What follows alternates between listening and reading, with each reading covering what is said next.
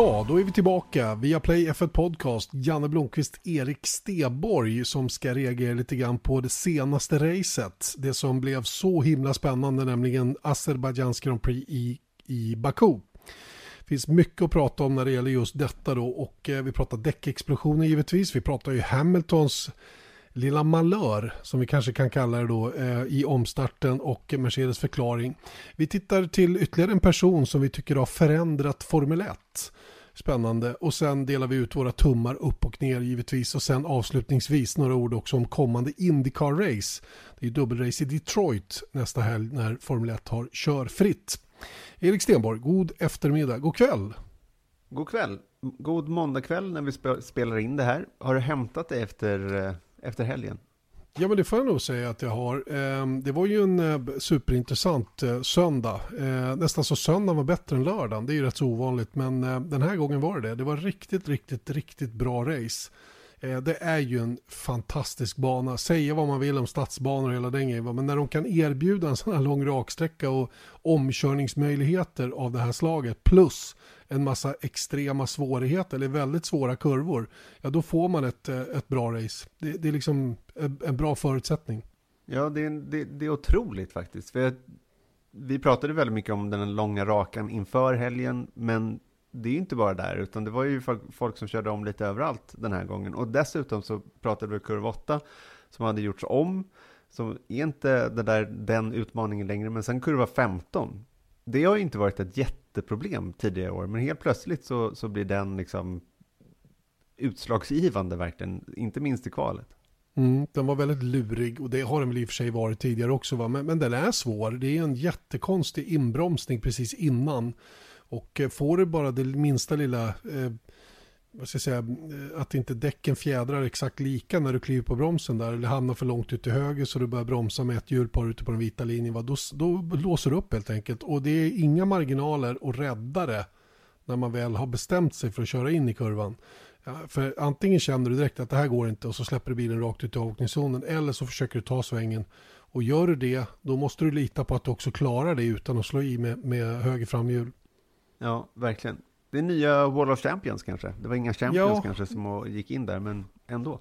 Nej, det var många som pratade om det, Wall of Champions under helgen där och det var, det, den har inte riktigt förtjänat det namnet ännu på samma sätt som den riktiga Wall of Champions i Montreal som verkligen har skördat sina världsmästare genom åren. Här var det lite blandad kompott kan man väl säga.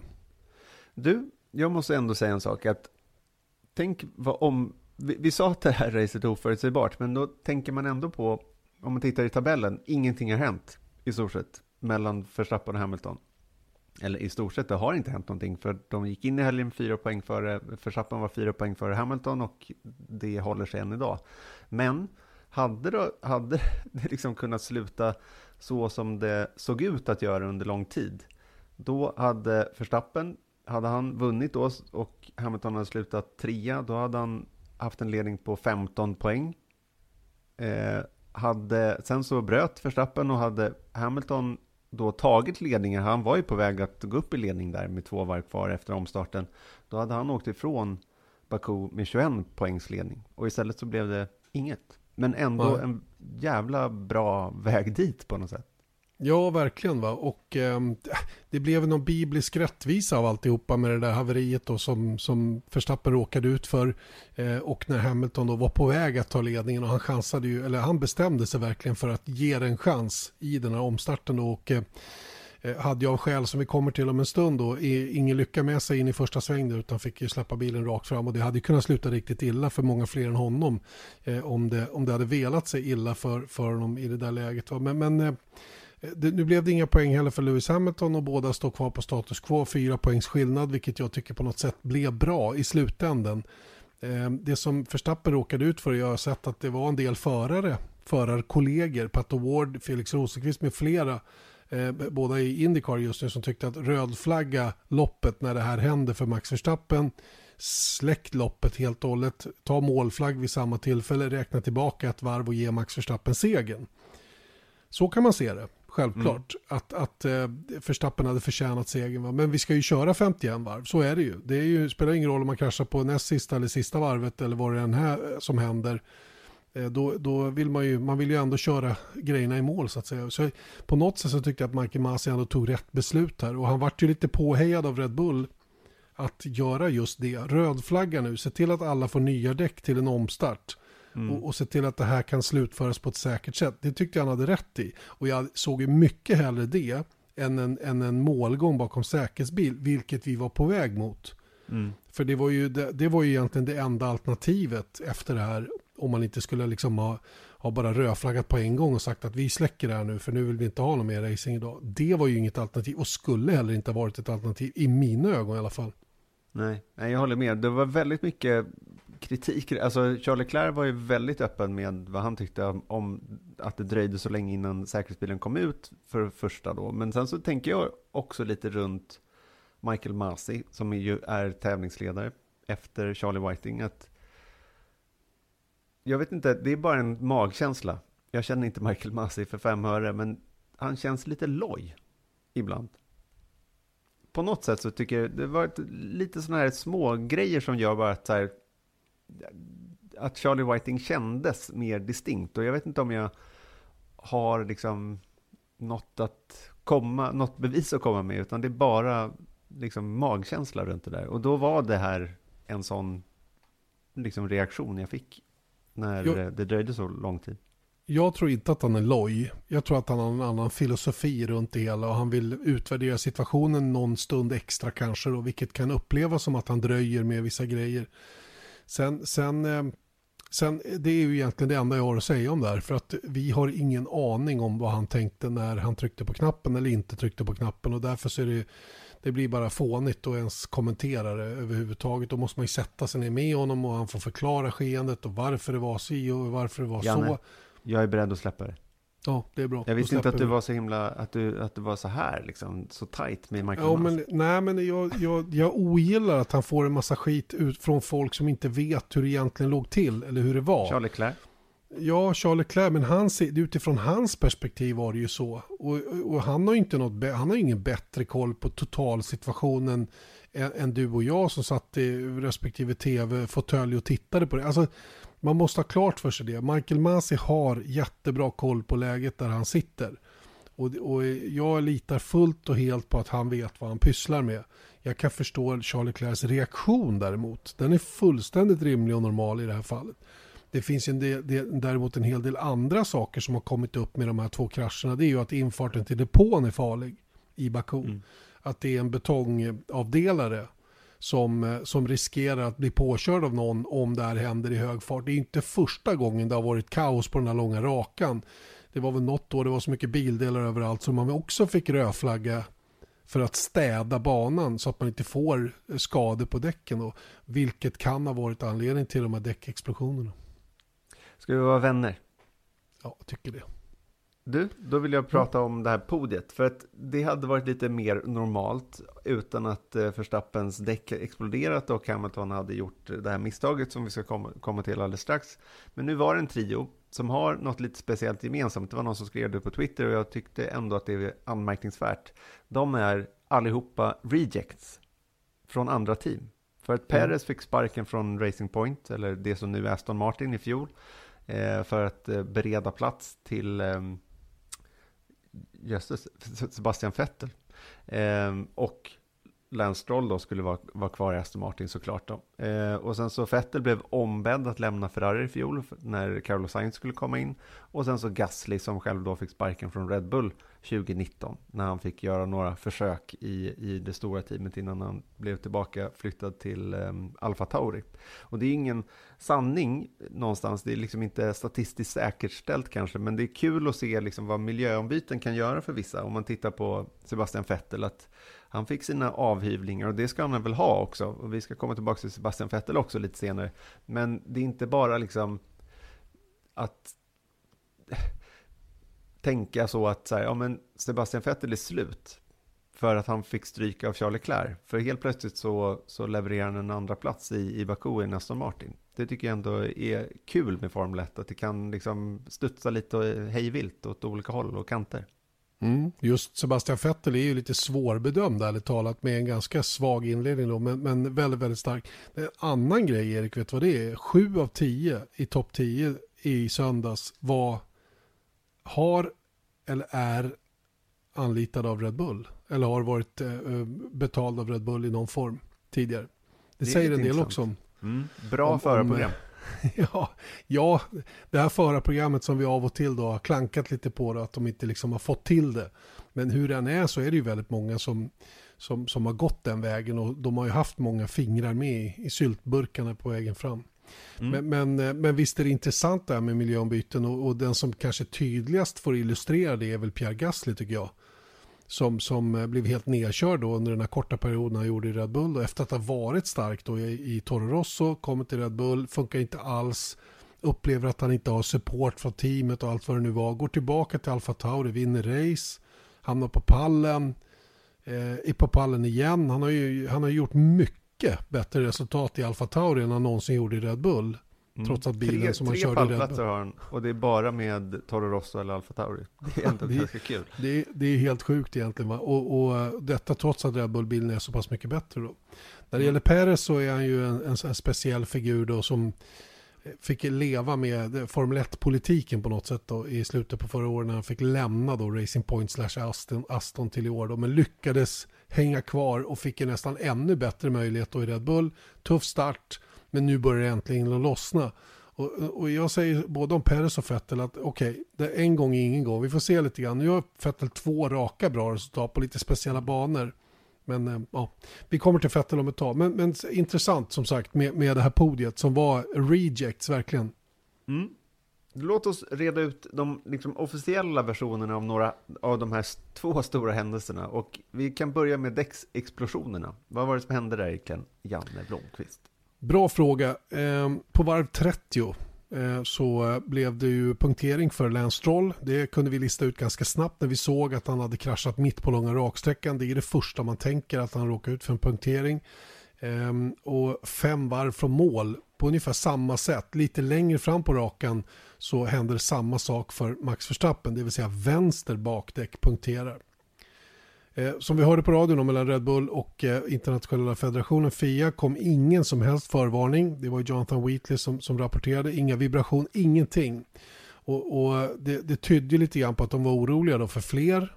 Eftersom man inte kunde veta om och när det här händer så, så var Wheatley inne på att röflagga nu och se till att alla får nya däck i en eventuell omstart. Så blev det. Eh, Pirelli och sin sida menar ju att eh, det här eh, är inte riktigt utrett ännu vad som händer. Jag såg vad Mario Isola sa. Han sa att det här är ju superviktigt att vi försöker ta reda på varför och vad som har hänt. Vilket aldrig är lätt med ett, ett söndertrasat däck.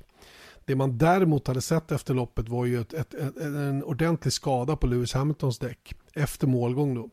Eh, och eh, det borde ha kommit någon form av förvarning om det var slitage på däcken. Det, det, som händer när man sliter ner ett däck för mycket eh, det är ju att det, börjar, det blir vibrationer, det blir obalans i däcket helt enkelt. Och ingenting sånt upplevde ju varken Stroll eller Max Verstappen innan det hände. Och dessutom är vänster bak det däck som har minst belastning på den här banan som svänger mest åt vänster. Det är alltså höger bak som har mest, tar mest stryk. Så, så eh, utifrån, utifrån det så är det ju eh, den enda, det, alltså man, man, måste nästan gå på Pirellis linje här, där de säger då att, att eh, vi har sett skador på, på ett däck. Det kan finnas skador på fler däck när man analyserar vidare. Eh, och, och just med tanke på att det inte kom några förvarningar så tror inte jag i alla fall att det var rent slitage som gjorde att det här hände. Det kan ha funnits en curb eller någonting på vänster sida då, som de åkte över flera gånger och som därmed skadat däcket så illa att det sen gav upp. Ja, och det, något som vi såg bilder på också i sändningen var ju de här delamineringarna på Silverstone. Var det förra året? Som Just det, det hände? Och det var ju, men det var ju liksom ett exakt samma skeende. På nästan exakt samma varv. Ibland säkert fem bilar, fyra bilar åtminstone, som, som det där hände för. Men, och då var det väldigt tydligt att okay, det här är ett konstruktionsfel eller liksom, de håller inte. Det var, det här var ju, ja, och, och det, det, det, såg man ju inte här då. Och det, på något sätt så tycker jag ändå att så här Pirellis, liksom, det, det de vet just nu, vi kommer ju få en utförligare rapport om det här, men då tycker jag också att det låter åtminstone rimligt i min bok. Dessutom är det ju så att de här däcken som man kör nu, till skillnad mot de som gick sönder på Silverstone, är ju den med förstärkt konstruktion. Som inte ska ha en, en separation mellan slitbana och sidovägg vilket var det som hände på Silverstone. Det, ska, det, det var ju det man försökte bygga bort eh, just med den här nya konstruktionen. Och det är fortfarande samma gummiblandning med en ny konstruktion. Och det talar väl också mot att det var rent slitage som gjorde att det här inträffade då. Men, men det är ju de här enorma farterna som man har och en stadsbana och det kan finnas någon vass kant på något ställe som man kanske inte har upptäckt eller som har uppstått efter ett tag under racet som, som gör att man då sliter ner de här eh, däcken. Då. Det intressanta var ju att de var ungefär lika gamla de här däcksätten när det mm. hände. Och det är väl kanske det som är lite oroande för Pirellis del. Precis, och det, är kanske det som gör att det kanske är en kombination. För att det är också en sån grej att okej, okay, om vi vet det då, att jag, jag, förstår problematiken i det jag säger nu, för att man kan ju inte bygga ett så här pansarsäkert däck heller. Om det kommer, det vill säga att de har kört över med vänster bakdäck, något, något brunnslock på någon curb eller någonting som har gjort att den fått en, en, en skada helt enkelt, ett, ett skärsår. Ett jack. Ett jack. Mm. Och sen så kör man upp i 330 km i timmen. Ja men då är det klart att då, då är det ju någonting som gör att däcket inte håller, men det kanske är liksom ändå yttre påverkan någonstans som, som det hela börjar med. Mm. Jag lutar nog åt det senare där, en, en, kombination av båda. Naturligtvis ett däck som börjar se, sjunga på sista versen efter en, efter en hyfsat lång stint i alla fall. Eh, och kanske yttre påverkan också då som har, som har resulterat i de här eh, däckexplosionerna eller punkteringarna kanske vi ska kalla dem då. Mm. Sen har vi det till då omdiskuterad grej som man blev faktiskt lite chockad över. Att det var... Jag började direkt tänka när jag såg Hamilton köra av då i omstarten in i första kurvan. När han i praktiken hade tagit ledning, ledningen över Perez var ju att det här var ju Kina 2007 igen. Att han liksom dundrar av in i depån och gör ett jättemisstag. För det är så otroligt konstigt att se Hamilton göra sånt misstag. Men skeendet var då att det blev ju omstart med två varv kvar. Hamilton har dessutom då några minuter innan över radion sett, vilket då går ut på feeden, att eh, han poängterar då att en F1-säsong är ett maraton, inte ett sprint, så han kommer inte göra något överilat för att känna en position.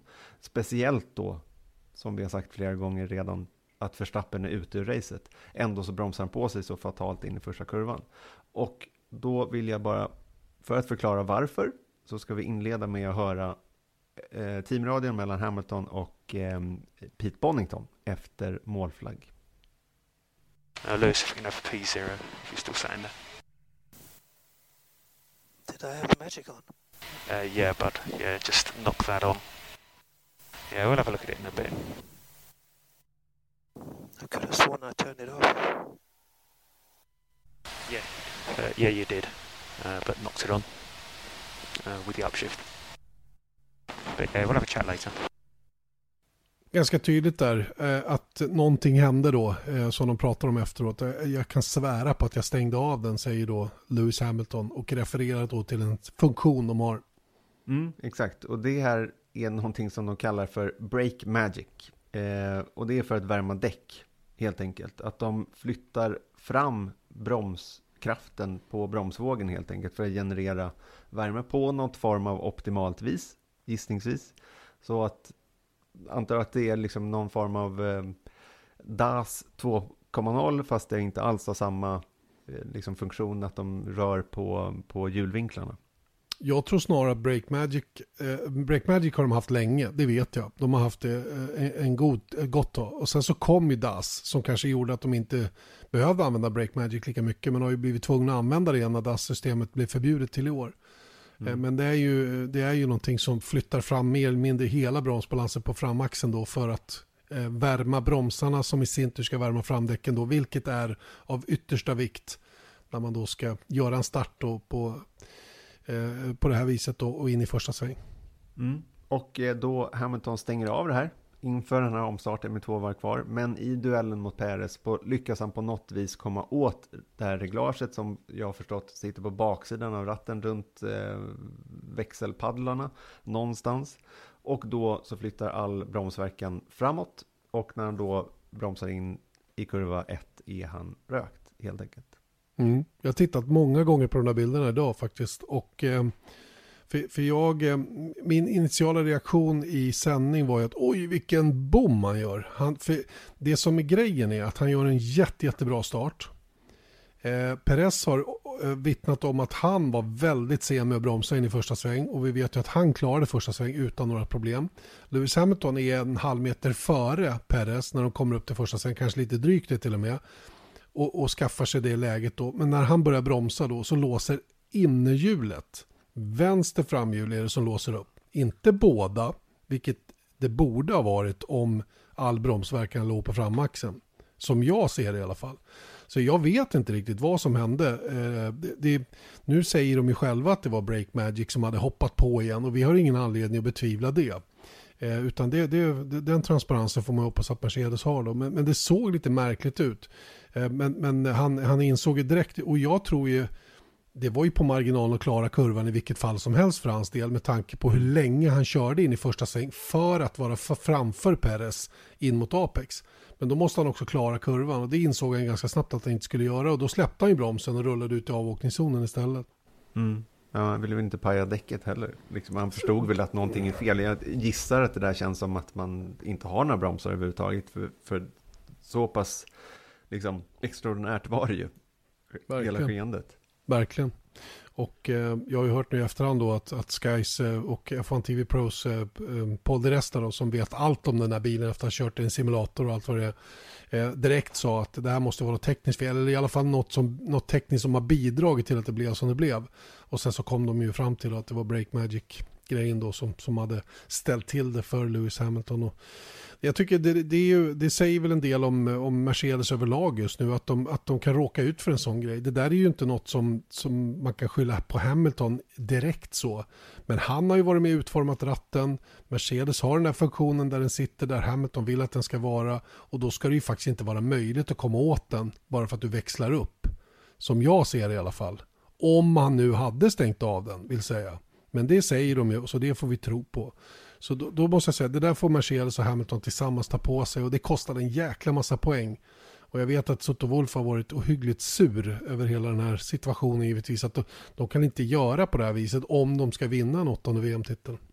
Nej, det kan man väl ändå hålla med om någonstans. De har inte tagit med sig så himla många poäng de senaste två tävlingarna. Nej, riktigt, riktigt risigt. Vilket vi också ska komma till om en liten, liten stund. Men vi har något annat på gång nu, eller hur?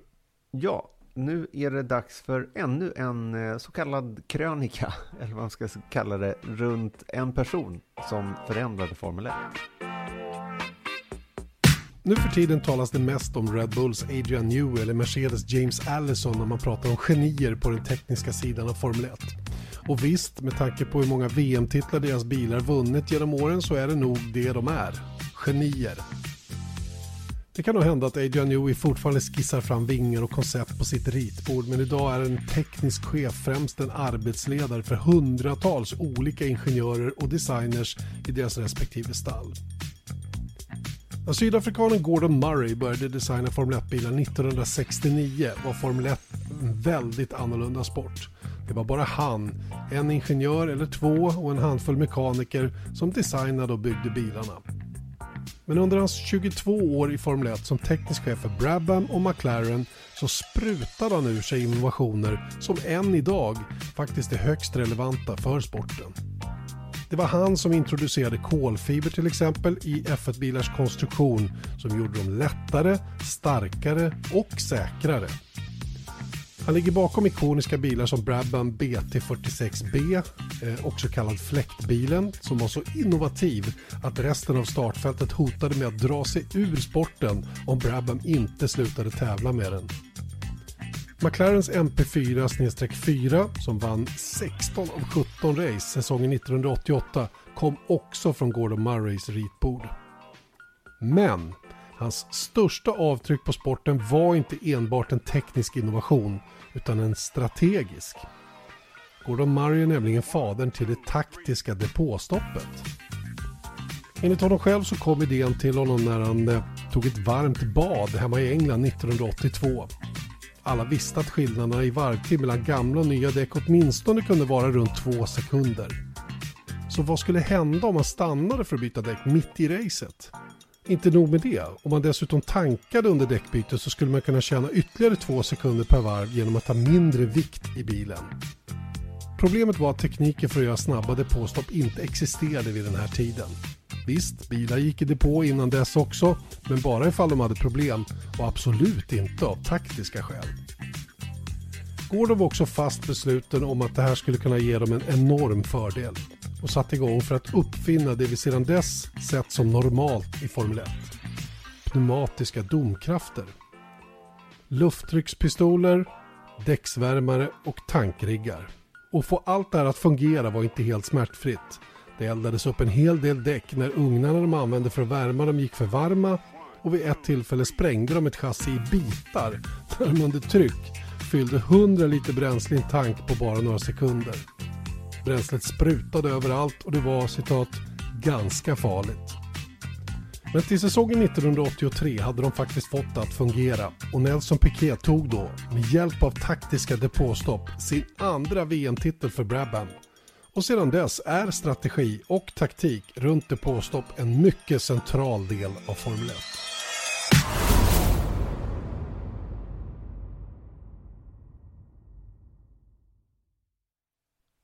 Ni lyssnar på Viaplay F1 Podcast med Janne Blomqvist, Erik Stenborg. Ni har eh, fått eh, höra lite grann om ett par saker som hände under racet i Baku senast och de officiella förklaringarna i alla fall. Ni har fått höra om de så kallade rejects som hamnade på podiet. Och sen så har vi också lyssnat till en ny person som vi menar har förändrat Formel 1. Men nu Erik, är det dags för tummar upp och ner. Ja, det är det vi gör efter varje race och den första går neråt till Mercedes då. För de skulle ju studsa tillbaka i Baku, för de hade ju det där dåliga racet i Monaco, men de nollade. Inga poäng med sig från Baku alls då. Så Hamiltons svit på 54 raka poängplaceringar tog slut och det är ju så alltså, ironiskt att det här händer när de vet att de är i ett guldläge i och med att Verstappen är borta och de per automatik har runt 15 poäng till godo ifall de bara tar bilen i mål. Men och det är det här som, jag menar vi har ju berört ämnet ganska mycket redan i, det här, i den här podden då, men det är, man är ju lite ambivalent runt att ge Hamilton en nedtumme, för han var ju magisk alltså under hela helgen, för att om man hade sagt till dem att ni kan komma tvåa på fredag kväll, då hade de ut, utan tvivel tagit den eh, andra platsen och absolut inte bett om, om någonting mer.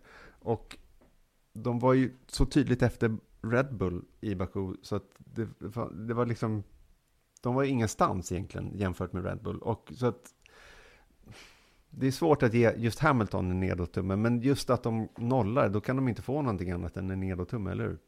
Nej, det håller jag verkligen med om och eh, jag hade någon diskussion med någon på Twitter under helgen som, som menar på att eh, varför är ni förvånade att Hamilton är tvåa eller vad han nu var i kvalet. Eh, de, han mörkar ju alltid, de mörkar ju alltid. Men så var faktiskt inte fallet den här gången. De var riktigt illa ute och gör man den lite djupare analysen då, då förstår man hur illa ute de var. Och eh, det är ju så att Mercedes har, om vi skulle titta på alla de träningarna som de har gjort genom åren så, så har de inte det. De gör inte sånt, de mörkar inte. De har nästan alltid en baseline som har varit bättre än alla andra. De har varit etta, tvåa, kanske trea, fyra. Då har man höjt på ögonbrynen lite grann. Men den där fram hela tiden. Nu har de ju varit helt avhängda. De var helt avhängda den här helgen. Och ett, ett, ett, ett eh, en, en, väldigt intressant grej som de gjorde då var ju att de går, gick ju åt varsitt håll med inställningarna på bilarna då när det gäller Valtteri Bottas och Lewis Hamilton och ni såg ju själva vilken stor effekt det hade, positivt respektive negativt. Mm. Men, och där var ju både Lewis Hamilton och Valtteri Bottas instrumentella till varför, eller till de val som gjordes. Bottas menar på att han kunde inte köra bilen som den var. Och, och skulle han ta i mera då hade han kraschat. Och det gällde även efter den Eh, den eh, setup-förändringen de gjorde för att hjälpa honom till det. Hamilton gick åt andra hållet. Han insåg att vi, vi, vi måste hitta fart någon annanstans. Eh, vi tappar lite grann i det kurviga partiet men vi måste hitta den farten någon annanstans. Och vi såg ju racet tydligt hur han låg. Han tappade ungefär en halv, sex tiondelar ungefär i, i sektor 1 och 2 för att ta tillbaka då eh, lika mycket då när han, när han eh, körde över långa raksträckan. Va? Så för honom handlade det ju bara om att vara närmare än, de, än den sekunden som krävs då för att få använda DRS så hade han ju ett jätte, jättebra slagläge åtminstone. Så att eh, det, det, jag, tycker, jag tycker Hamilton kan inte få någon nedertumme för den här helgen hur man än ser på det. För det han gjorde visar ju återigen vilken stark förare han är. Hur han kunde vända det här knepiga läget till någonting positivt, vilket det blev.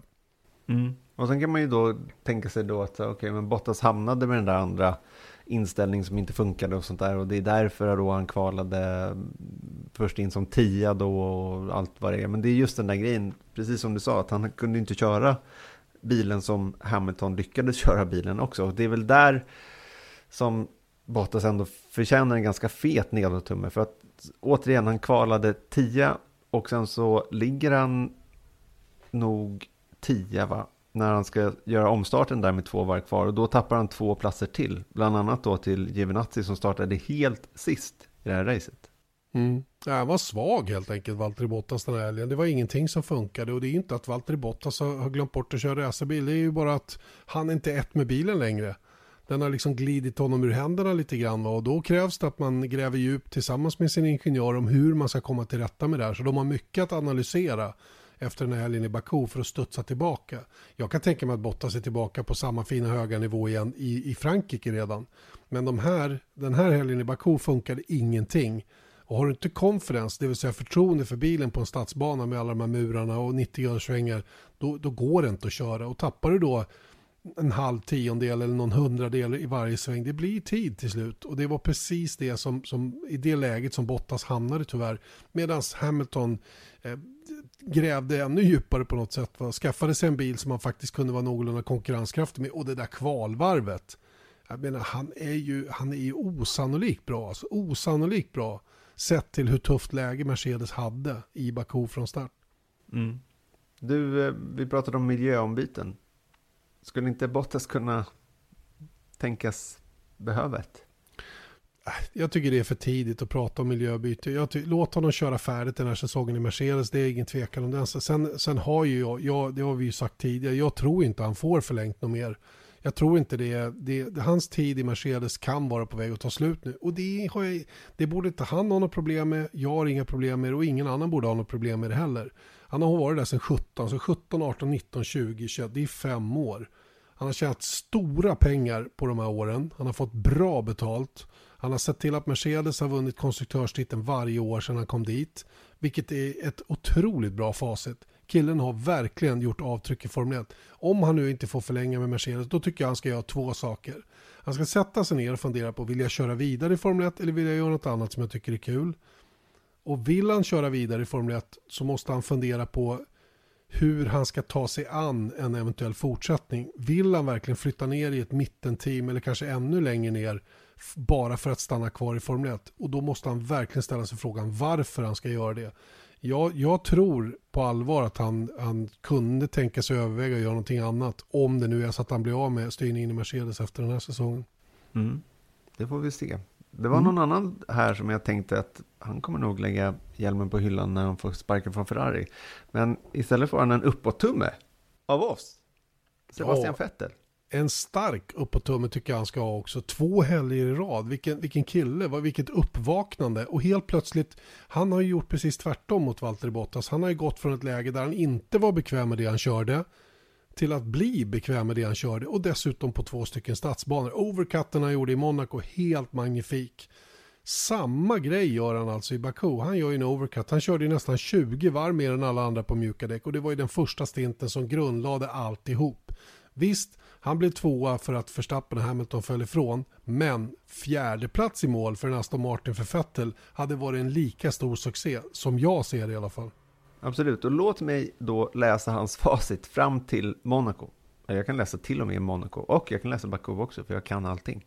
Det är nämligen så att i första racet slutade han på 15 plats, andra racet 15 plats, tredje racet 13 plats, fjärde racet 13 plats och sen så i Monaco femma och nu i Baku tvåa. Det är en utvecklingskurva kan man säga. Det kan man definitivt säga att det är och eh, sen, sen, är det svårt att, liksom analysera det till 100% och säga åh gud vad mycket bättre Fettel har blivit eller hur mycket bättre han trivs i Aston Martin-bil nu helt plötsligt. Utan det är ju två väldigt speciella banor som de här resultaten har kommit på. Men icke desto mindre så har han levererat. Ja, och låt oss lyssna på honom själva. I'm happy. Obviously, it was a good day and uh, happy for the team mostly. You know, it's been a tough season start, tough beginning to the season. So I think uh, the guys are over the moon. they will be up in the air soon because half the team is flying right now. But uh, yeah, uh, I think uh, yeah the race obviously gives us a, a, big smile on the face. Everybody as well in Silverstone in the factory. I mean, the guys are pushing hard, and uh, as I said, we expected more from the beginning of the year. Obviously, it's great to get such a strong result in, but uh, I hope that this momentum now we got we gathered in the last two races helps us in the next uh, next couple to be a bit more aggressive and in the points uh, to to really in the, to be in the fight to score points more regularly. Your pace throughout the race was strong on Yeah, that soft good. tyre. You went so long on it, and it was And it was still good. We could have Yeah. stayed out. So obviously we didn't want to take any risk, but it was still mega, and I thought I could still improve. So yeah, it was really good. I think we really hit the sweet spot, which in a street circuit is obviously crucial to really trust the car, and that's what happened today. So I'm really, uh, really pleased, and uh, we could see that also at the restart. You know, I just. I just had the trust in the car and knew what to do. There was a gap, I went for it. We, we passed Charles, we passed uh, Pierre, so really happy, and it would have been fourth. Obviously, we benefit then from the two DNFs in front of us, or the, also the mistake of uh, Lewis. But I think uh, it's been a great, great day, so I'm happy. Two street tracks need confidence. It looks like you've got the confidence in this car. Is this? Are we? Are we seeing a turnaround? Do you think? I hope. I mean, we see the next track is a boring one to come, but uh, it will tell us a little bit more about where the car pace is. So it's a bit of an it's a bit of an easier track, um, but we still, you know, we need to do everything right. And uh, as I said, hopefully that trust translates also to a better performance in a normal or regular track. But uh, street circuits is obviously the key. And um, yeah, Friday already, even though the results were bad, I really felt good and I was very relaxed getting to sleep and no worries and concerns. So I knew that on Saturday I can pull it off. I had a mistake and lock up and then the red flags, but today I, I was open minded and knew that, you know, I don't know, I just felt I never had to look back, I always was looking forward. So uh, that, that was obviously a strong point. Just det, för han är inne på det där då. Det, det är ju... ehm, han pratar om, för det första pratar han om, om um, Paul Ricard som a boring track. Och det, det är det väl i och för sig. Det kan inte liksom hålla det emot honom. Men det ska bli faktiskt väldigt intressant att se var de är då på en, på en normal bana så att säga. För upphämtningen de visar på stadsbanor är ju enorm. Men det känns ju som att det är en, den här typen av säsong nu när man inte riktigt vet var någon ska vara. För kolla på Ferrari. De tog på Mm. i lördags. Men sa vi inte det innan säsongen började att det kommer att bli ett år med väldigt mycket dagsformen kommer att avgöra va? hur väl man får bilen att jobba däcken på bra sätt. Och, ja, men vi ser ju även Mercedes, den som har varit den överlägset bästa bilen falla ur fönstret. Har gjort ett par gånger nu. Eh, Vi har ju av och till också sett Red Bull kanske kämpa med, med att hitta rätt med allting. Inte minst Aston Martin har ju haft det kämpigt då med förändringen på golvet som man gjorde till i år som de var väldigt irriterade över. De vill ju till och med gå till domstol för att få tillbaka bilarna som de var förra året. Jag vet inte om de tycker så längre, men det är ändå spännande att se. Eh, och det här tajta startfältet som vi har då eh, och som, som eh, inte blir mindre tajt ju längre den här säsongen lyder. Eh, där, där måste allting sitta för att du ska göra resultaten. Mm. En till uppåt-tummen, det är faktiskt flest uppåt-tummar. Jag inser också att vi har glömt, att jag har glömt att eh, lägga till Ferrari som en uppåt-tumme också. Eller det kanske är en medium-tumme. Lite Nej, då, de, nej, men jag tycker de ska ha en upp på tumme faktiskt. Ferrari, de gjorde ett jätte, jättebra jobb. Eh, inte minst har de pole position och kanske Carlos Sainz hade varit ännu högre upp om inte Yuki Tsunoda hade kraschat bort sig. Det roliga är att Ferrari nu två helger i rad har skaffat sig en pole position med hjälp av rödflagg. Eh, jag säger inte att Leclerc inte hade tagit pole om det inte hade blivit rödflagg, men han hade blivit utmanad på ett sätt som han inte blev den här gången i alla fall. Och, eh, men oavsett det, vilken uppryckning Ferrari har gjort och de utnyttjar verkligen bilens fina egenskaper på långsamma banor. Det här mekaniska greppet som de har stor nytta av när bilen fortfarande är lite draggy och lite effektsvag mot de allra bästa. Det visas ju faktiskt ganska tydligt i racet att de- inte riktigt räckte till och det visste de ju själva också innan racet började. Men bra gjort att ta pole, verkligen. En rejäl Verkligen. tumme. Mm, bra, då går vi till nästa, den uppåtumme som jag var på väg mot i alla fall. Och den ska gå till Alfa Tauri för att eh, Pierre Gasly kom ju trea som sagt. Men nu var också Sunoda på sjunde plats. Det är inte så här, det är så, men om man bortser från att Gasly hamnade trea så är ju sjunde plats eh, väldigt, väldigt bra. Det är Sunodas bästa resultat i Formel 1-karriären hittills då. Eh, och han fortsätter att leva rövare på radion. Men Alfa Tauri fick med sig 21 pinnar i Baku. Och de är alltså med det då före både Aston Martin och Alpin i VM-tabellen. Det är kul. för dem. Ja, det, det, är fantastiskt roligt måste jag säga. Sunoda, eh, verkligen gubben upp och ner. Man vet inte riktigt vad man har honom. En krasch i kvalet där till exempel och Lite annat småstök fram till racet då. Men som jag uppfattar det ändå ett ganska stabilt lopp. Jag ska inte säga att jag hade järnkoll på Jocke Sunoda under själva racet. Då. Men han låg där och vinglade runt 7, 8, 9, 10 plats. Merparten av det här loppet Och, Och, eh, har ju fortsatt svårt att hänga med och matcha Pierre Gasly som är så stark just nu. Så, så himla stark. Jag undrar vad det här kan leda till för en sån som Pierre Gasly om han fortsätter köra på det här viset. Eh, kan, kan Red Bull bli sugna på dem igen? Troligen inte. Och då undrar jag vart ska han ta vägen istället? Va? Det har pratats om alpin, men det vet inte jag om det, om det är något så. Och så. Han har ett litet bekymmer Pierre Gasly, för det finns inte många platser i Formel 1 som är ett steg uppåt. Eh, åt sidan kanske, men de allra flesta är neråt. Och då finns det ju ingen anledning att byta bort den styrningen han har nu med Alfa Tauri. Eller jag vet inte hur du ser på det. Nej, jag skulle, om jag var hans manager skulle jag nog råda honom att sitta still i båten ett tag till. Åtminstone ett år till. Men det, det är också, det är lite skillnad nu också för Alfa Tauri det är ju ett så kallat juniorteam, men liksom i början av Toro Rossos eh, liksom existens så var ju det verkligen ett uttalat det här ska våra juniorer sitta i. Och ska vi testa dem och sen ska de liksom graduate upp till Red Bull. Med tanke på att de tog in Perez eh, som bara ett exempel, men också att Gasly har ju ganska många race under bältet vid det här laget, så är ju inte det riktigt ett så här, ja, juniorteam, ja, det är ett dotterteam kan man väl säga. Snarare än ett juniorteam nu. Ja. Systerteam snarare. Ja, precis. Det, så kan man kalla det. Så jag tror ändå att så här, när Gasly levererar på det här sättet så då, då jag håller med dig. Jag, han har ingen liksom, anledning att lämna för att i Ferrari kommer han inte komma in om inte liksom, någonting väldigt oförutsett händer med Leclerc eller Sainz. I Mercedes kommer han inte in eh, för den platsen som eventuellt blir ledig i Mercedes det, det är George Russells sannolikt.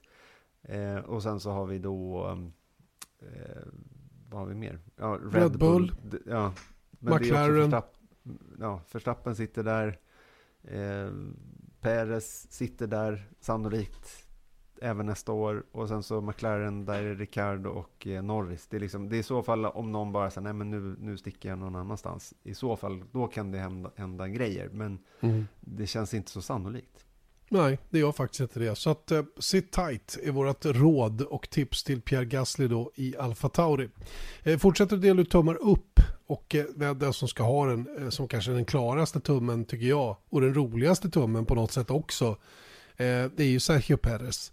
Eh, jag tycker verkligen det. Det eh, finns lite omständigheter till segern givetvis men en andra plats hade han ju garanterat. Och eh, att han ärvde segern nu när det blev som det blev för, för Förstappen, ja det må ju vara hänt. Men, men eh, han gjorde ett fantastiskt första varv, några riktigt, riktigt bra omkörningar. Tog sig upp i ett läge att ganska lätt ta sig förbi Charles Leclerc. Och sen eh, förbi Hamilton via en overcut som återigen visar hur mycket snabbare Red Bull var än Mercedes den här helgen. En overcut på en stadsbana eh, är kanske inte någon skräll, men på en sån här bana där det är lätt att köra förbi så är ju inte overcut kanske det man i allmänhet eh, satsar på. Eh, men, men eh, hur som helst, de hade så mycket mer fart än Mercedes och det var ganska lätt för dem. Nu blev det ett långsamt stopp för Hamilton och ett långsamt stopp också för Perez. Så han, han hamnade lite dumt till framför Hamilton. Han kom liksom aldrig bort från Hamilton heller när de väl kom ut på banan. Hamilton gjorde ett jättejobb med att hänga på. Eh, de hade två bilar som var olika inställda, som hade olika styrkor på olika delar av banan. Och det där var ju intressant att följa tycker jag, hur länge Hamilton skulle orka hänga med. Hade, hade det varit två normala stopp för de här, då hade det sett likadant ut. Eller då undrar förresten om inte Perez har kanske haft någon mer sekund. Men jag tycker det var synd att han åkte på ett långsamt stopp när han väl hade kört sig förbi Hamilton och med rätt så stor marginal dessutom eftersom Hamilton hade gjort sin långsamma stopp. Så det blev onödigt stressigt för Perez merparten av det racet då efter det att han hade varit inlagd på nya däck. Eh, mer, mer stressigt än det hade behövt vara. Men det är glömt nu, tror jag, för Sergio. Perez. Eh, han tog sitt tredje podium i Baku. Ehm, och det här är alltså första Red Bull-segern som inte är Verstappens sen Ricciardo vann i Monaco 20, 2018 då. Och det är alltså, som vi har sagt tusen gånger tidigare, så har ingen andra, annan andra förare lyckats med det i Red Bull. Alltså Albon, Gasly, hela den visan igen då. Och grejen är att han såg bekväm ut. Det läbbiga är ju då att det var ju väldigt nära, enligt Red Bull själva, att det inte skulle ha blivit sådär. För att han hade ett hydraulikproblem, jag vet inte exakt när det dök upp, men det var ju väldigt eh, tydligt att eh, det var ganska allvarligt då. Direkt efter målgång så får han ju meddelande på radio där han säger stop the car, stop the car. Och det var tydligen hydraulikproblem så att hela teamet sitter och stirrar på den där mätaren för att mäta liksom hydrauliktrycket. Och grejen med hydraulik är att det styr ju allt. Växlingar, växellåda, eh, DRS, eh, power steering. Alltså det går inte att... Failar går- hydrauliken, då, då är det kört. Då går det inte att köra helt enkelt. Då stannar bilen kort och gott. Men Nej, det gick eh, bra det också. Ja, det gjorde det. De var ju faktiskt på väg mot en dubbelseger Red Bull här och eh, det skulle i så fall varit den första sedan Malaysias Grand Prix 2016. De har ju haft en liten eh, en svacka kan man ju säga, eller inte riktigt varit med alla längst fram i alla fall under en rätt lång period, men nu är de ju verkligen där. Eh, jag såg, eh, jag tror det var Andrew Benson på BBC, han är ju en duktig reporter, han hade gjort en sammanställning hur de låg till då över, över snabbaste varv under en helg och gjort ett, en average av det då. Och där är ju Mercedes några hundradelar före Red Bull på den listan. Eh, average startposition däremot så hade ju Max Verstappen några tiondelar bättre då än, än Lewis Hamilton. Så att det är superjämnt där framme, verkligen superjämnt. Och vi pratade dagsform tidigare, det är ju precis det det handlar om också mellan Red Bull och Mercedes. Ingen snack om saken. Det kommer att komma banor där Mercedes är bra eller bättre än Red Bull. Men det kommer också studsa tillbaka och vara andra banor där, där Red Bull kommer att vara dominanta gentemot Mercedes. Nu är det för trevligt här inne. Så nu är det dags att ge en tumme neråt och den ger vi till Pirelli. Det är inte lätt att vara Pirelli. Någonsin egentligen, inte bara den här söndagen. Eh, för att när det går bra, då hyllar man Formel 1, då hyllar förarna sitt team, då hyllar förarna sig själva, sin bil. Men när det går dåligt så är det väldigt nära till hands att man då klankar ner på däcken. Och då är det ju frågan då, vi har ju varit inne på Pirelli redan nu, men det är just lite förtjänat på något sätt att det händer ändå ganska mycket med däcken, tycker jag. Att det är... Det, förstår du? Att det, det, Mm. ofta träffar de fel. Och då, då menar jag kanske inte just den här, de här uh, skärsåren i däcken som var i söndags, utan det är, liksom, det är det, lamineringar, det är eh, för konservativa däcksval som gör att det blir ett tråkigt race på grund av det. Sen så måste de, håller inte konstruktionen och sen så bla bla bla. Du förstår vad jag menar? Du förstår vad jag är Ja. inne på i alla fall. Jag hör vad du säger och eh, håller delvis med. Eh, de har haft det kämpigt genom åren. Eh, sen de kom in i Formel 1 var det 2011 eller det var 2012, 2011 tror jag. Eh, tog över efter Bridgestone. Eh, fick ju ett, eh, ett svårt, eh, svårt eh, upplägg från Formel 1 där de skulle bygga, bra, bygga däck för bra racing. De ville att det skulle byggas in degradering, det vill säga ett, ett eh, prestandatapp i däcken då som skulle inträda då vid en viss temperatur och då skulle starta en kemisk reaktion i däcket då som skulle ta ner effektiviteten på dem. Och det här fick de ju, eh, det- ja det blev bra ibland och det blev dåligt ibland och vi hade några helt hiskeliga race emellanåt. I Barcelona då var det 85 depåstopp och man gjorde fyrstoppare och till och med femstoppare. Sen har ju åren gått. Ehm, det har varit, eh, de gick ju från kolfiberbälte till stålbälte och de hade väldigt, väldigt allvarliga däckexplosioner på Silverstone ett år. Eh, det som hände förra året. Eh, Och sen så byggde man nu ett däck som jag uppfattar ändå är ett bra däck. Det som de har nu. Det har funkat bra, det är mycket, mycket tåligare, inte alls lika känsligt även om Formel 1-däck generellt är känsliga eh, sen Pirelli kom in med den här degraderingen som, som många gånger inträder. Så är det ju ett tufft läge för Pirelli. Den här gången dock så ska vi vara väldigt försiktiga med att sitta på utsidan och eh, kasta skit på Pirelli förrän vi vet exakt vad som har hänt.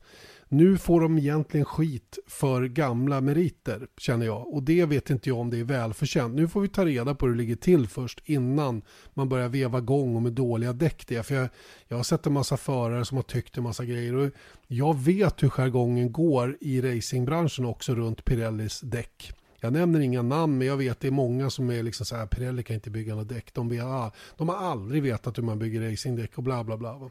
Vilket jag inte riktigt tror på, i synnerhet inte nu för tiden. Va? Visst, de har ingen konkurrent i Formel 1 när det gäller att bygga däck och de har ingen som sätter press på dem kanske på ett sätt som de egentligen skulle behöva för att eh, dra utvecklingen framåt. Och det, de lägger ju ofantliga pengar redan i marknadsföring runt Formel 1. Så det är klart att det är en kostsam historia där för Pirelli och det någonstans får konsekvenser. Men de har till exempel aldrig haft, inte förrän på senare år, fått möjlighet att köra moderna bilar för att testa fram sina däck. Hur ska man då kunna bygga en bra produkt? Och så vidare och så vidare.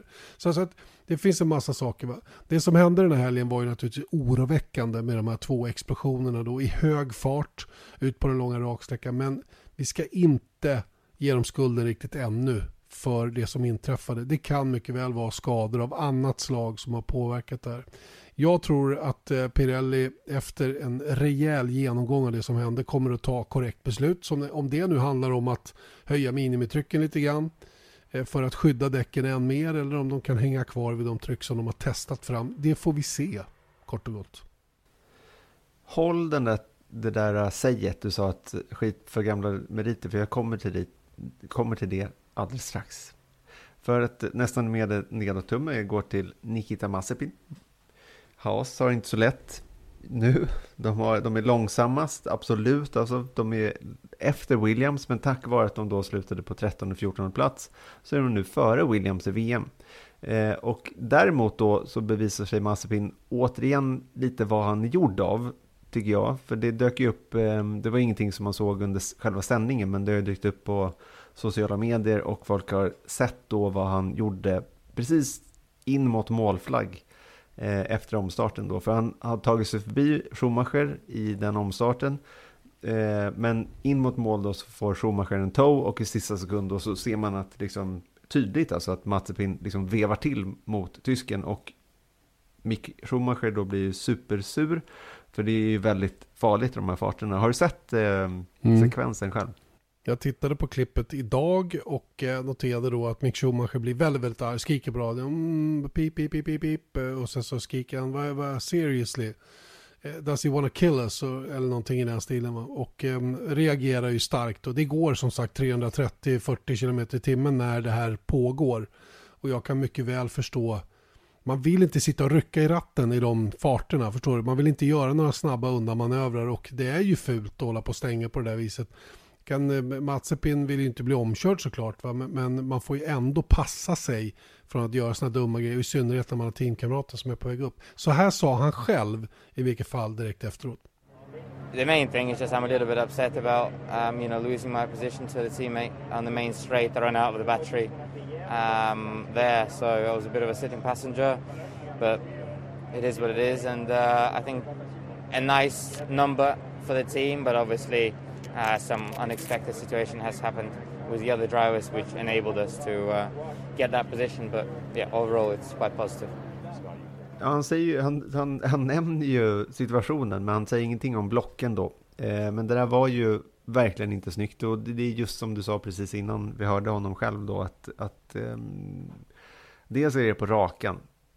Då är det ju liksom det är inte ens en oskriven regel att man inte får hålla på och eh, blockera någon på det sättet. Ehm, och sen så dessutom då mot sin teamkompis.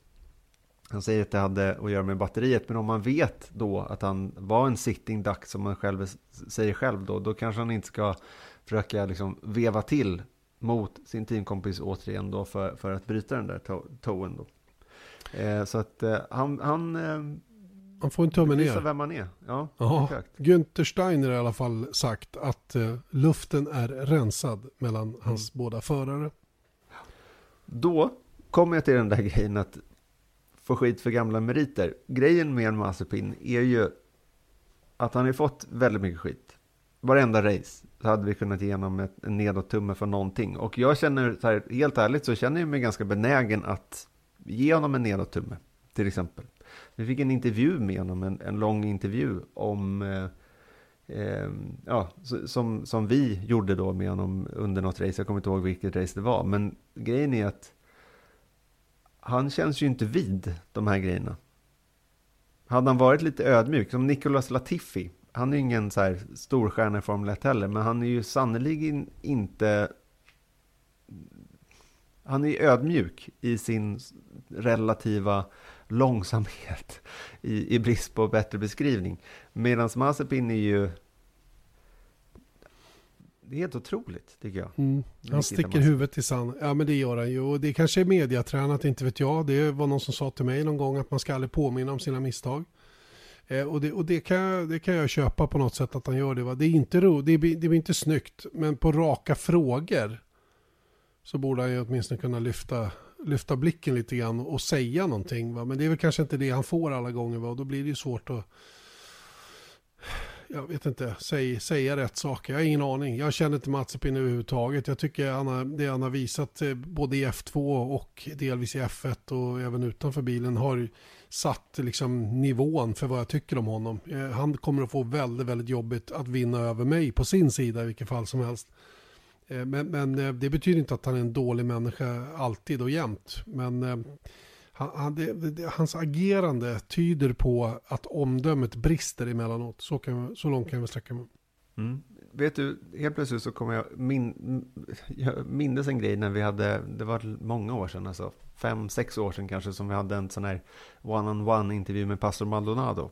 Mm. Men det, det var ganska kul, för då fick han ju ganska tuffa frågor under den intervjun. Synd att vi inte kan spela upp den, men det är också så här, att till skillnad då från Mazepin så tror jag att han vet vad folk tycker. Och därför så blockar han liksom de här negativa frågorna, eller när man vill ställa honom till svars i alla fall.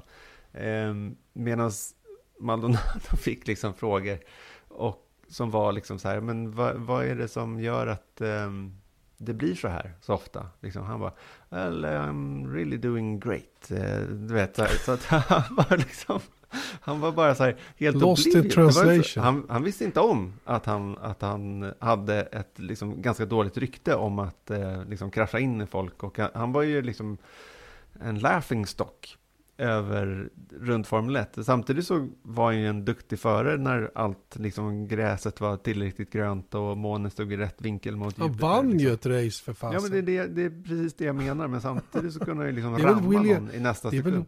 Det är väl Williams senaste seger? Ja, absolut. Det var 2012 det var. Mm, När det var mm. sju olika segrar första sju, sju racen. Apropå Pirelli-däck. Just det, det var därför. Det var därför. Delvis var det därför. Jag skulle kunna tänka mig. Ah, ja, de har ju varsin hemsida de här Mazepin och Maldonado. Det har de åtminstone gemensamt då. Just det, när kraschade Maldonado senast? Mm. Och, Och när eh, spann Mazepin senast. Just det. Just det. Mm. All right. Nu, vi, måste, vi måste avsluta i dur. Och då går vi på Fernando Alonso. Mm. Från Spanien, i alpin. Han slutade sexa. Han gjorde Inget det. märkvärdigt race fram tills omstarten. Men, Nej. Sen hände det grejer. Då sprattlade farbror till och eh, gjorde några fantastiska varv, de här två som det blev då innan målflagg. Och det var ju eh, underhållande. Också ett sånt där klipp som kommer från F1 TV Pro då, som, som har lagts upp där man kan se hela hans varv. Och jäklar vad han kör alltså. Det är, det är cool, cool med honom. Han har ju en tävlingsnerv och en, en, en aggressivitet som få andra förare. Och I det läget med så lite kvar så kan ju han, han kan ju, han kan ju alltså make up för inte vet jag, 40 varv bakom en annan bil i övrigt under racet. Bara med att köra två varv lite snabbare än de andra. Ta lite större chanser. Och, men han är så skicklig på det. mm. Och tjäna Ja, men- fyra platser på de där två varven. Det hade han ju säkert fått kämpa i, ja som sagt 40-50 varv Mm. i, i övrigt med att klara av. Nu hade han ganska okej softdäck, för han gick ju in och tog eh, softdäck också, så det, det är klart att det hjälpte till. Jo, Men, men, eh, alla hade soft på slutet Erik. Och han hade ju faktiskt sämst softdäck. För han hade ju kört sina ett tag. Ja, så det Jag var det som var så, ja, det var det som var så fascinerande med hela grejen. Va? Men han gjorde det otroligt bra. Jag måste säga att jag är djupt imponerad. Det var, det var coolt att se honom. Och eh, det är ju roligt att, att höra vad han själv har att säga om det som hände. Yeah, we have good pace in two lap race. that that was uh, that was fun. Uh, it was exciting to uh, to have some battles. Everybody was very aggressive, knowing that it's only two laps and don't need to take care about the tires or anything. So it was it was fun. Uh, I think we had a, a solid weekend here in Baku. And being 10th, I think it was too little reward for the team. So I'm happy with six now. I, I, I think the, the guys deserve it. Uh, we've been working very hard, and uh, yeah, at least we, we get some good points. Were you a little bit surprised in that early stint that you didn't quite have the pace? Yeah, a little bit. I think uh, FP2 long run uh, fell okay, but uh, earlier in the in the race we, we were the three four tenths slower than the people around. We tried to be creative with the strategy, trying to undercut people around, and then taking the the first safety car and gambling to put the soft tire. But any strategy when you are a little bit slow in pace, it doesn't work. So, you know, we got lucky at the end to have a, another opportunity, and we took it. Ja, han håller ju med själv. Det var ju de två sista varven som, som var det märkvärdiga under det här racet. Men det, det är Mm. ju, jag menar han fick en tumme neråt senast, tror jag, för att han var lite anonym och, och, och lite trist. Och vi jämförde honom med Schumacher och sånt där också. Men nu blixtrade han till, sannerligen. Mm. Var värt sju poäng där, de där två sista varven. Mm. Det var Det väl imponerande. väl, väl investerade svängar. I allra högsta grad. Okej hörni, då har vi delat ut våra tummar upp och ner i dagens F1-podd. Eh, innan vi stänger butiken, eh, vi vill lyfta fram att det är racevecka igen. Men den här gången är det Indycar som nu har fått lite luft. Förarna har varit på semester, gjort en massa roliga grejer men nu ska de tillbaka i bilarna igen, nämligen i Detroit på Belle Isle. Eh, där de i Detroit då ska köra i den här parken och eh, dubbelrace. Eh, och senaste gången vi var där så var det faktiskt en svensk på pallen. Så var det. Marcus Eriksson, debutsäsongen 2019. Vi var inte där förra året för att det var, det var även då pandemi. Men då i race 2 då så slutade han tvåa. Hans enda mm, pallplats hittills. Men det känns som att det kan komma lite närmare och närmare och närmare och närmare och närmare till en till. Och kanske en seger. Mm, det kan vi åtminstone hoppas på. Eh, och ska vi på förhand säga någonting om den här helgen så måste ju Marcus vara favorit av våra båda svenskar. Även om Rosenqvist också hade en bra helg i Detroit den gången. Eh, dock utan att liksom nå hela vägen fram. Jag tror han smällde i något av racen men hade annars chans på en pallplats han också. Eh, hur som haver, eh, e- Eriksson har ju haft, eh, ehm, han, han ligger 10 i mästerskapet till att börja med, vilket jag tycker är bra. Sett till eh, att säsongen inte riktigt har studsat till 100% åt rätt håll. Eh, men det som är mest uppmuntrande är ju faktiskt att, eh, att han har visat vid ett tillfälle att han kan kvala ordentligt och det kommer att bli viktigt i Detroit. Det gäller att hitta den sista halva tiondelen eller vad det kan vara för att hoppa vidare genom kvalsegmenten. Och sen har de ju en bil som funkar hyggligt bra, eller riktigt bra ska vi säga, på stads och vanliga banor. Till skillnad då från Rosenqvist som inte har varit i närheten av att kunna visa rätt fart på den här typen av banor. Så vi får verkligen hoppas att Aaron McLaren har gjort någonting bra fram till de kommer till Detroit och att bilen passar bättre på den här hoppiga stadsbanan då än vad vi har kört på tidigare. Mm. Det här är ju liksom urtypen av en amerikansk stadsbana. Det är ju, var, jag har för mig att det var någon som sa det förra gången vi var där, att det var liksom tur att jag hade ganska nyinsatta plomber, för annars hade de trillat ur. För att det är, liksom, det är så pass guppigt. Det är helt sjukt alltså, vad de här banorna ser ut egentligen. Men det är ganska Mm. underhållande för den sakens skull. Verkligen, och eh, en kul bana tycker jag. jag. Jag eh, måste säga att jag ser fram emot det här Detroit-racet. Eh, det finns ju en annan bana som de tyvärr inte då kommer att använda i år som är nästan ännu värre skick och det är ju Toronto. Men, men Kanada har ju avsagt sig eh, Indycar i år också då med anledning av pandemin så dit kommer vi alltså inte. Och någon ersättare till racet i Toronto har vi väl ännu inte fått men det är mycket som talar för att det blir något dubbelrace någon annanstans. Eh, det, det gör faktiskt att jag, jag kommer på en grej. Vi, vi nämnde inte det här i podden men vi sa det i sändningarna i helgen. Men Singapores Grand Prix är ju inställt. Eh, och kommer inte att bli av den här upplagan och, av, på grund av pandemin. Eh, och där tittar man väl också på eventuellt att köra dubbelrace någonstans. Och där har ju faktiskt eh, ryktena pekat mot att det ska ske på Kota i Texas. Mm. Men, men det kommer fler förändringar i kalendern, det kan vi vara nästan säkra på. Eh, Mexiko är stort frågetecken, Japan är stort frågetecken, Australien kommer med största sannolikhet inte- heller bli av i november. Inte som läget ser ut just nu i alla fall, där de är livrädda för minsta lilla utbrott av coronaspridning. Då stänger de ner och just nu är det ju mer eller mindre lockdown i hela Victoria. Så att jag, jag tror att det kommer att hända en hel del på kalenderfronten framöver under sommaren och tidiga hösten. Att Singapore redan nu kastar in handduken hänger ihop med att loppet ska gå i september men de behöver rätt mycket förberedelsetid. De här andra banorna vi nämnde, de är ju permanenta banor och behöver inte säga nej redan nu. Jag hoppas på något sätt att jag... Det hade varit en eh, cool grej att ha genomfört en 23 race lång kalender. Men det, det är ju redan nu 22 då och sen så tar vi bort dem där. Och även om de sätter in ersättningsrace, det kommer inte bli varje vecka sannolikt. Så att, eh, vad ska man säga? Vi hoppas på 20 i alla fall. Vi skulle ju kunna stoppa in Kina där i gluggen där Singapore skulle ha legat och det är en möjlighet. Då, för Kina har ju blivit uppskjutet men inte fått något nytt datum. Mm, Och det ligger är ju i samma tidszon i vilket fall som helst. Alltså det skulle ju, det skulle ju kunna varit en möjlighet om man, om man vill göra någonting. Men det är ju bara spekulationer från, från våran och min sida. Det, det, jag har ingen aning om hur de resonerar. Det handlar ju om att hitta ban, banor som vill arrangera lopp, kanske utan publik. Då. Men samtidigt har vi Sandfort i Holland då, som tänker sig publikanströmning på 100 000 då. Så länge man har, eh, är vaccinerad om jag har förstått saken rätt. Du är vaccinerad? Jag är vaccinerad, jag har fått första skottet. Mm. Så att jag får nästan 12 juli, sen efter det då. eh, Sen har jag dessutom antikroppar, färska antikroppar. Så att jag är, jag är ganska rejält skyddad redan nu faktiskt. Med antikroppar plus en första vaccindos då. Men du, Indycar som klart? sagt i helgen Ja. och sen så har vi eh, IMSA också, också i Ja. Detroit. Det kan vara faktiskt värt att titta på, för det sänder vi ju. Ja, det blir Ganassi, också spännande. Kevin Just. Magnussen, Kevin Cadillac. Magnussen. Som håller på och laddar ihop för att köra, köra in Le Mans med farsan. Jan Mm. Magnussen. Jan Magnussen som för övrigt kommer över och eh, luftar sig lite grann i Sverige här under sommaren också. Värmer Så att det, det, förlåt. Värmer upp lite. Ja, värmer upp lite. Värmer upp lite. Det behöver vi alla göra. Vi behöver också köra. Hur går det med våran rallybil? Ska vi inte åka lite rallybil snart?